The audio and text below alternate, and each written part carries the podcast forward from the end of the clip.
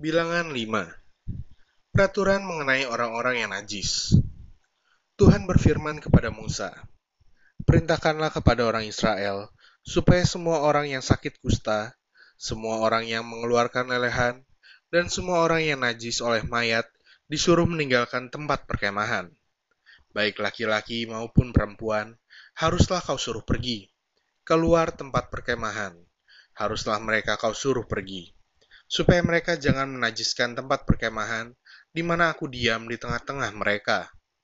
Maka orang Israel berbuat demikian. Mereka menyuruh orang-orang itu meninggalkan tempat perkemahan, seperti yang difirmankan Tuhan kepada Musa. Demikianlah diperbuat orang Israel. Peraturan mengenai penebusan salah. Tuhan berfirman kepada Musa, "Berbicaralah kepada orang Israel apabila seseorang, laki-laki atau perempuan, melakukan sesuatu dosa terhadap sesamanya manusia, dan oleh karena itu berubah setia terhadap Tuhan, sehingga orang itu menjadi bersalah, maka haruslah ia mengakui dosa yang telah dilakukannya itu, kemudian membayar tebusan sepenuhnya dengan menambah seperlima, lalu menyerahkannya kepada orang terhadap siapa ia bersalah. Tetapi apabila orang itu tidak ada kaumnya, kepada siapa dapat dibayar tebusan salah itu, maka tebusan salah yang harus dibayar itu menjadi kepunyaan Tuhan dan adalah bagian imam. Belum terhitung domba jantan pendamaian yang dipakai untuk mengadakan pendamaian bagi orang itu. Dari persembahan-persembahan kudus yang disampaikan orang Israel kepada imam, persembahan khususnya adalah bagian imam. Sedang persembahan-persembahan kudus yang dibawa oleh seseorang adalah bagian orang itu sendiri hanya apa yang diserahkannya kepada seorang imam adalah bagian imam itu. Hukum mengenai perkara cemburuan.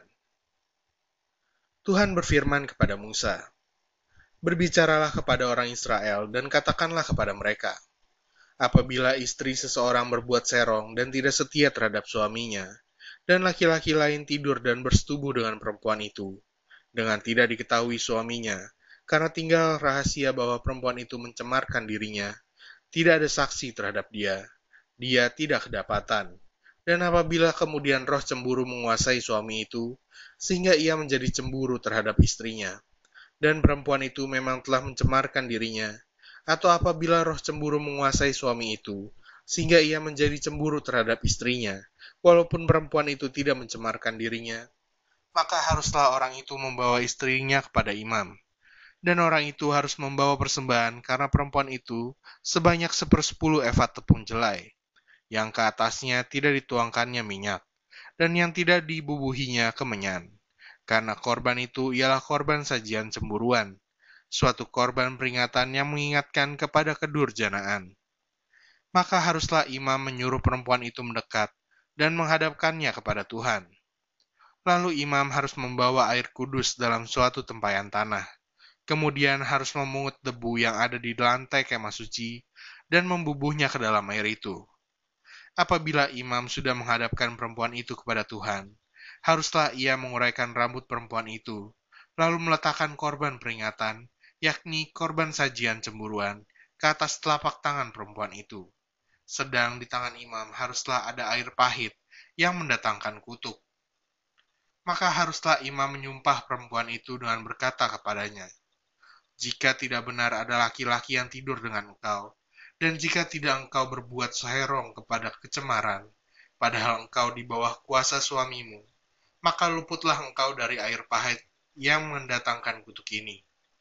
Tetapi jika engkau, padahal engkau di bawah kuasa suamimu, berbuat serong dan mencemarkan dirimu, oleh karena orang lain dari suamimu sendiri bersetubuh dengan engkau, dalam hal ini haruslah imam menyumpah perempuan itu dengan sumpah kutuk, dan haruslah imam berkata kepada perempuan itu, maka Tuhan kiranya membuat engkau menjadi sumpah kutuk di tengah-tengah bangsamu, dengan mengempiskan pahamu dan mengembungkan perutmu, sebab air yang mendatangkan kutuk ini akan masuk ke dalam tubuhmu, untuk mengembungkan perutmu dan mengempiskan pahamu. Dan haruslah perempuan itu berkata, Amin, amin. Lalu imam harus menuliskan kutuk itu pada sehelai kertas dan menghapusnya dengan air pahit itu. Dan ia harus memberi perempuan itu minum air pahit yang mendatangkan kutuk itu. dan air itu akan masuk ke dalam badannya dan menyebabkan sakit yang pedih. Maka haruslah imam mengambil korban sajian cemburuan dari tangan perempuan itu, lalu mengunjukkannya ke hadapan Tuhan dan membawanya ke mesbah. Sesudah itu, haruslah imam mengambil segenggam dari korban sajian itu sebagai bagian ingat-ingatannya dan membakarnya di atas mesbah. Kemudian memberi perempuan itu minum air itu. Setelah terjadi demikian, apabila perempuan itu memang mencemarkan dirinya dan berubah setia terhadap suaminya, air yang mendatangkan sumpah serapah itu akan masuk ke badannya dan menyebabkan sakit yang pedih, sehingga perutnya mengembung dan pahanya mengempis. Dan perempuan itu akan menjadi sumpah kutuk di antara bangsanya. Tetapi apabila perempuan itu tidak mencemarkan dirinya, melainkan ia suci, maka ia akan bebas dan akan dapat beranak.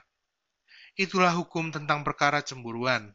Kalau seorang perempuan telah berbuat serong dan mencemarkan dirinya, padahal ia di bawah kuasa suaminya.